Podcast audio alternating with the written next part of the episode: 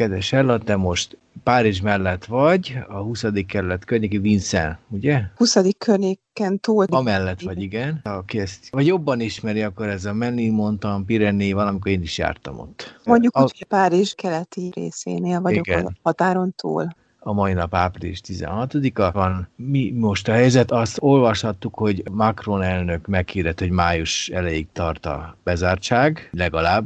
Most... Igen, május 11-ig pontosan a karantén, ami egy részlegesebb karantén, tehát nem annyira szigorú, mint a kínai, körülbelül olyas, mint az olasz. Ami elég szigorú. Ami nem világos teljesen, de az a lényeg, hogy nálunk megengedett azért a testmozgás hivatalosan napi egy óra szintjén, a gyerekek is kimehetnek biciklizni, a felnőttek futni, csak igazolást kell írnunk saját magunknak ja, erről. Tehát ez pontos eltérés a magyartól, igen. Igen, igen, és ez május 11 évekig ezt tartják, és utána az iskolákat szeretnék fokozatosan. Még nem teljesen világos, hogy milyen módszer regionálisan, vagy korcsoportonként, tehát hogy a kisebbeket inkább, vagy a gimnáziumot, vagy inkább az általános iskolát, tehát ezt, ezt nem igazán részletezték, de az iskolai oktatás az beindulna, és a többi kereskedelmi szórakoztatás, ez valószínűleg egy kicsit még szüneteltet lesz, tehát sem éttermi, sem egyéb kulturális, semmiféle nagyobb tömeget vonzó megmozdulás nem lesz lehetséges. Ott is rengeteg ember munkanélkül maradt, támogatják nyilván államilag a munkanélkül maradt tömegeket, amiből biztos, hogy nincs kevés.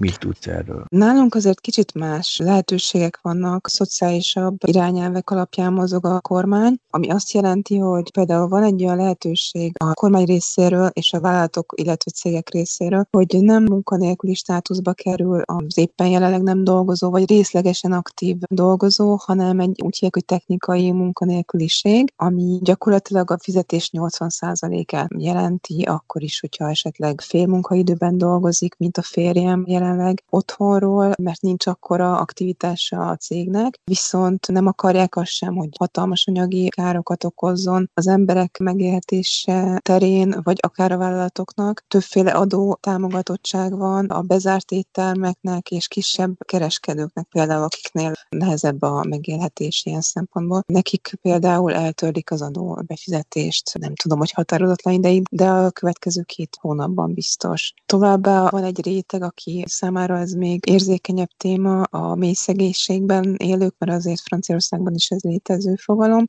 Főként délen Marseille harmadik kerülete a legszegényebb kerület Franciaországban, és ez elég sok, tehát több százezer embert érint. Ugye Marseille Franciaország második legnagyobb városa, és nagyon sok ember alkalmi munkából él, tehát akár építőipar, akár egyéb alkalmi mezőgazdasági munkákból, és ezeknek az embereknek ez a fajta kiesés, ez gyakorlatilag azt jelenti, nem tudnak akár élelmiszert venni a családnak, vagy lakbért fizetni, és nekik gyors segélyeket utal az ország, aminek pont szerdán ezen a héten szabták a pontos összegét, eddig nem volt ismert. Háztartásonként 150 euró jár, illetve gyerekenként 100 euró. Ez egy gyors segély igazából, ami azonnal igénybe vehető, és akkor felmerül a bevándorlók, hajléktalanok kérdése, olyan rétegek kérdése, akik a normál szituációban is elég a társadalom peremén élnek, és most ez még láthatóbb lesz, és nekik folytatódik elég aktívan az ételosztás, illetve tornatermekben biztosítanak szállást helyenként, úgyhogy a kormány azért eléggé tudatosan védekezik, tehát nem csak gyors csomagokat fognak, hanem egy folyamatos ellátásról van szó.